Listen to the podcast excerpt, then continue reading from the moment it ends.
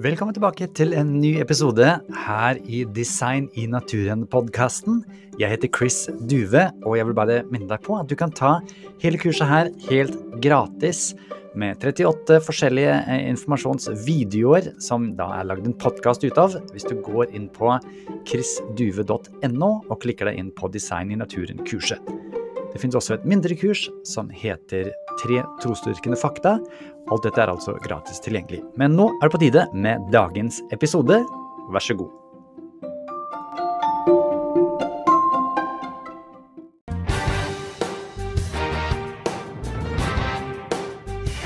Welcome to you, Dr. Stephen Meyer. And I think Meyer is that's a German German surname. It's right? a German name, yes, right. Yeah, yeah. my my family is from Germany, so, so Yeah. I feel appreciated. Um, I've loved your books. Uh, you know, the signature in the cell and the Darwin's doubt, and now your new book, uh, Return of the God Hypothesis, which we'll get to a little bit later in the course, actually. Um, and I think it's wonderful um, when I'm looking at your at your manuscripts. You're doing uh, a work where you're really solidly going from A to B to C to D, and that's what I hope we can do in our interview also today. And uh, it looks a little bit like you looked at my notes for the course, actually, because we're kind of doing the same line as in your book. Great minds thinking alike. I'm You see. paralleling your your Yeah, ideas. yeah, yeah, Good. something like that.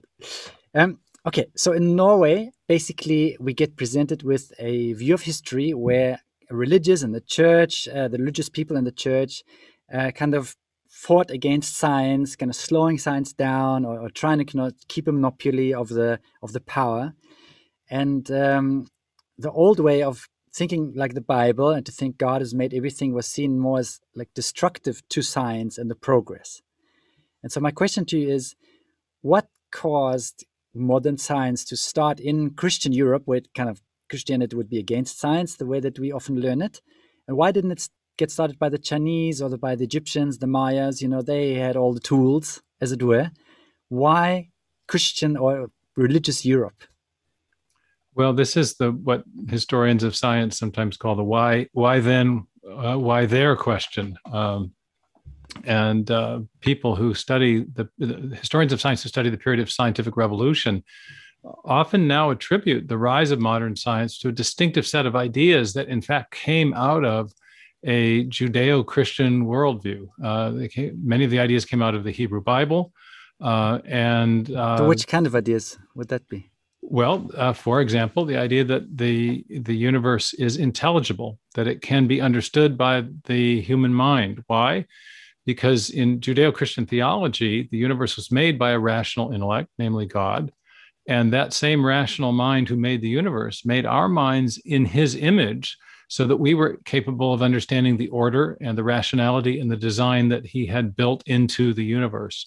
Uh, often. Um, a rationality that was expressed in mathematical uh, uh, ways that that uh, the, the order was it could be described mathematically. And so the great Johannes Kepler, the German astronomer, said that the the natural philosopher, which is what they called scientists at the time, had the high calling of quote thinking God's thoughts after him.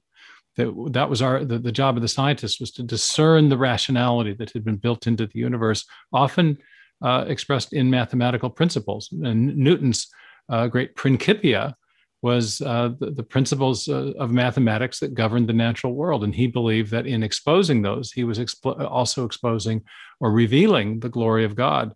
And so the, the modern scientific uh, method and the, the, the, the scientific revolution that took place that got our modern forms of science going with, with very systematic forms of investigating nature didn't arise in Christian Europe accidentally, but rather it was the, the Judeo Christian worldview that was part of European culture at the time that gave rise to modern science. You can see, also see this in the metaphors that the scientists used to describe nature. They described it as a book, the book of nature, which they understood to be a, a, a, a, a complementary revelation from God. God revealed himself in the book of nature just as he had done in the, in the book of scripture. Uh, they also referred to nature uh, as a clock or a great, a great beautifully designed mechanism that, as Robert Boyle put it, uh, uh, was put in motion by the, the grand artificer, namely God. And then thirdly, there was the, the metaphor of the laws of nature, which we still use and take for granted. But uh, as one historian of science has said, the notion of laws of nature was a juridical metaphor of theological origin. And uh, this, this particular historian I'm referring to, I discuss in the book, his name is Edward Zilsel. And he goes back and shows that the, the concepts coming out of the Hebrew Bible that was that were rediscovered during the period of time of late medieval Catholic theology and during the Reformation were crucial to understanding that nature had what he called um, it was an order, and as other historians of science pointed out, a contingent order, an order that could have been otherwise, but was impressed upon nature by God. And because it could have been otherwise, it was very important for us to go and look and to examine it. Whereas the Greeks tended to think that there was an intrinsic logical uh, logic built into nature, but one that was self-evident to any rational person. So yeah, because they came up with this cosmos idea, right? So, so that's the cosmos isn't really the Christian idea. Well, cosmos is a Greek idea, so is a logos. But the idea that was distinctive that was coming out of the Judeo-Christian heritage was the idea that there was yes, there was an order. The Greeks believed that the nature was orderly, but they believed it was a, a an order that um, obeyed a kind of self-evident logic that we could discern by simply uh, logical deduction, by armchair philosophizing. Whereas the Christian concept of a creation meant that the order in nature could have been otherwise uh, Newton described gravity using an inverse square law, but it might have been an inverse cubed law, or it might have had uh, might have been a strictly linear relationship between the variables. Um, it could have been there, there's lots of different ways to skin a cat. There's lots of different ways to impo- in, in, impart order into the universe. And so Robert Boyle famously said, the job of the natural philosopher is not to uh, deduce what God must have done, but rather to go and see and to see what he actually did do. And so the doctrine of the creation and with it the notion of a contingent order that was impressed on nature from the outside by the creator implied the need for empirical investigation, not merely uh, deductive armchair philosophizing. So that was another of the inspirations for science was this idea of the of the doctrine of the creation. I think also the way I understand it, uh, the Greeks or Aristotle actually said one time that there was a certain fly that had four legs and nobody checked it. Well, uh, uh, maybe a, a very uh, obvious example of that is the idea that two objects of different masses fall at different rates. It took to, people believe that for thousands of years on the authority of Aristotle, but it took uh, Galileo climbing up some leaning tower to check it out, you know. and so, um, now the Greeks were they did do empirical investigation. There was, but they didn't have concepts like the laws of nature, for example. Aristotle's four uh, causes uh, allowed a kind of analysis of each individual object on its own. Each object had a material cause, a formal cause, an efficient cause, a final cause, etc. But the idea of universal laws that applied to all matter and energy across space and time was something that was a unique concept that came into into fruition uh, in, uh, in, into into flower in the in the period of the scientific revolution. And it also reflected this idea that there was an omniscient omnipotent creator who not only made the universe but sustained it in its orderly concourse on a moment by moment uh, uh, basis. So what we call the laws of nature what newton called the laws of nature were in his mind and in the mind of other scientists at the time a mode of divine action. God created the universe in the beginning, but he also was sustaining it in an orderly way that we could describe with mathematics. So the, the, the, the scientific revolution was, in fact, a theological project. Uh, it was an attempt to reveal, as one historian of science, Rodney Stark, says, uh, in his famous uh, book uh, published with Princeton University Press, it was an attempt, the scientific revolution was an attempt to reveal the glory of God. His book title, For the Glory of God. This is what yeah. science was about. So there was no conflict between science and faith in the in the in the beginning. Um, science arose out of a Judeo-Christian context for Judeo-Christian reasons. The, the worldview that that Christians, mainly Christians in Western Europe, brought to the study of nature was what made it possible to study nature systematically and, and to get nature to begin to unlock its secrets which to me actually historically makes sense because all the big old universities they were all started by people with bibles you know? Why why would they do that uh, in a way? Of course they started first and well, foremost let, me God give you a very stuff, good example but- of that. There's a famous oxford uh, theologian and philosopher from uh, the 13th century robert grosseteste he was a contemporary of roger bacon. Uh, they together at oxford developed a number of the methods that we now uh, regard as part of the scientific method uh, the method of difference, the me- methods of isolating variables. Uh, this happened very early on. This was, uh, you know, um, well before the period of, of, of Bacon and and uh, uh, Newton and Christian Huygens and Boyle and those. But but the roots of the scientific revolution go back into these medieval universities that were started by Christians for Christian reasons. Again, for the glory of God. One thing that I learned from your book, actually, which I really appreciated, was how the Christian teaching of sin made for better science. Because, you know, if you believe that you can go into this perfect world like the Greeks and you think about stuff and it's all, you know, hunky dory, that's one thing. But if you believe, no, humans actually struggle with sin, selfishness, we make mistakes, you know, of course, the Bible teaches about grace, but the teaching of sin, how that made for peer reviewed stuff to well, that's a very interesting point. I, am indebted to um, to Steve Fuller, a terrific historian, uh, philosopher, sociologist of science at Warwick University, for this point. That the the idea of original sin meant that in the in the Christian view, that the human mind was uh, was uh, made in God's image. Uh, it was capable of rationality, but it was also fallible we could we were subject to flights of fancy uh, to uh, cherry picking the data to uh, uh, jumping to conclusions.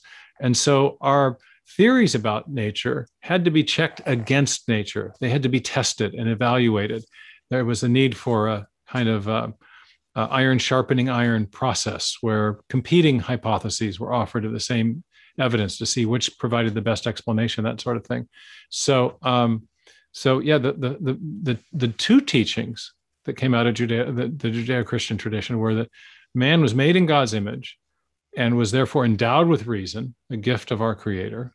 Uh, the same reason that was responsible for the order we see in nature. So nature is intelligible to us, but we're also fallible, and therefore we have to test our ideas against nature itself and not just rely on our own.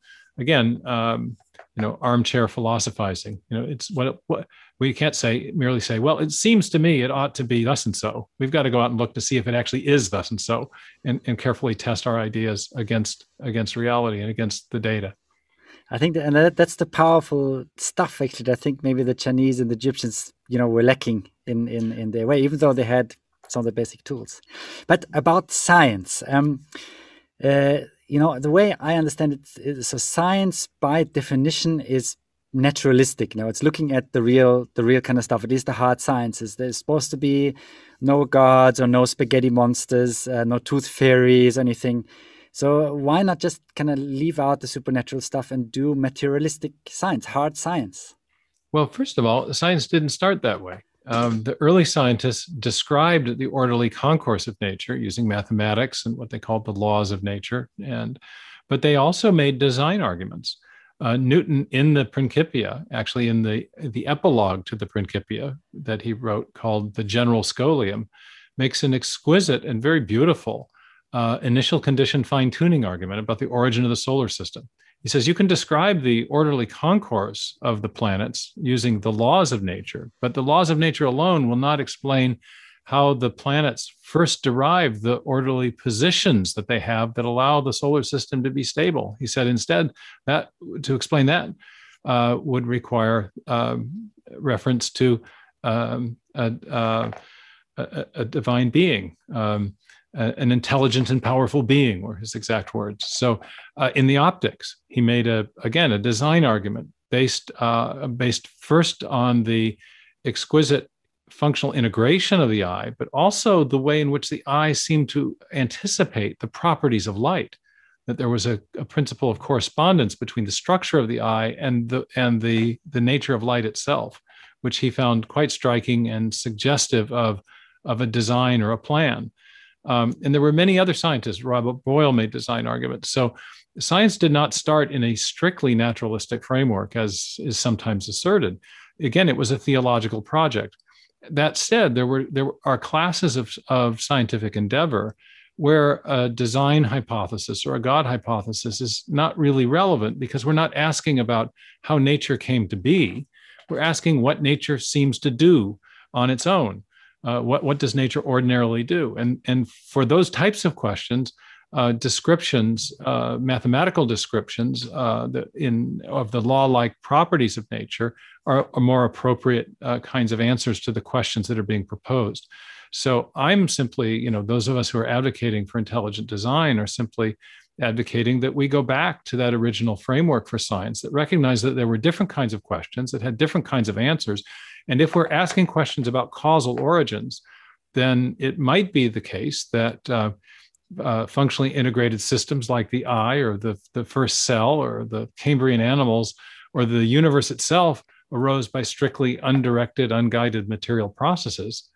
But it might also be the case that creative intelligence played a role and left even a signature of its activity behind, in which case we ought to be open to following the evidence to the conclusion that such an intelligence was responsible.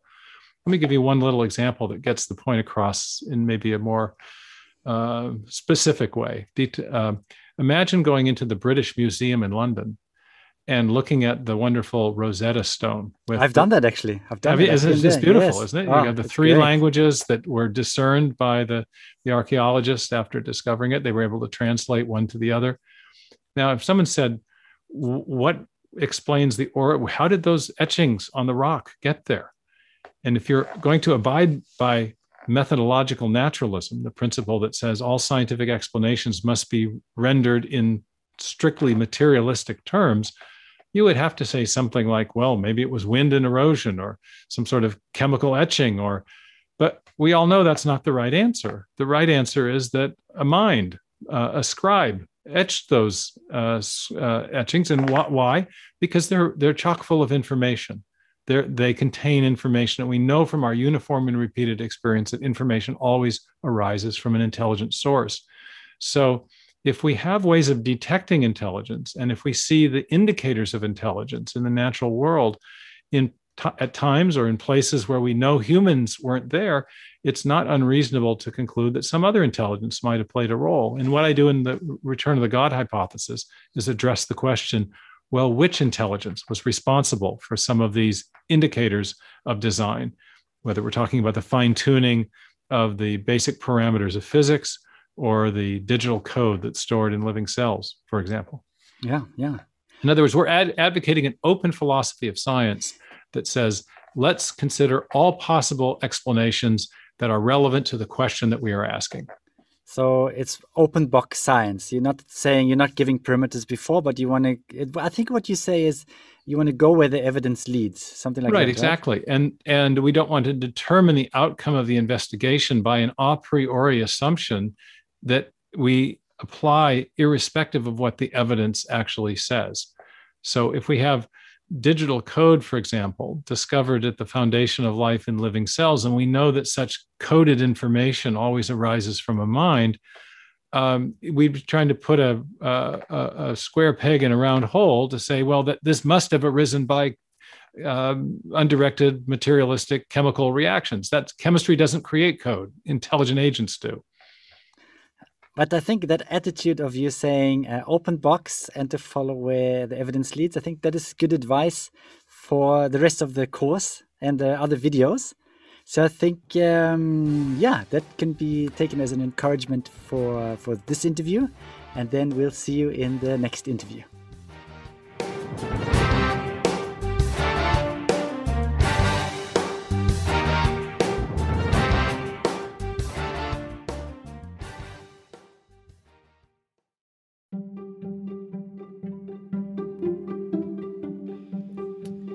Igjen, dersom du ønsker å få tilgang til de hjelpearkene eller oppgavearkene, så er det jo fullt mulig for deg å signe opp til kurset. Da går det an å laste det ned. Hvis du går inn på chrisduve.no, så ser du all informasjonen der. Dersom du ønsker å støtte denne podkasten og annet arbeid som jeg holder på med, kan du også lese mer om det på chrisduve.no. Takk for nå.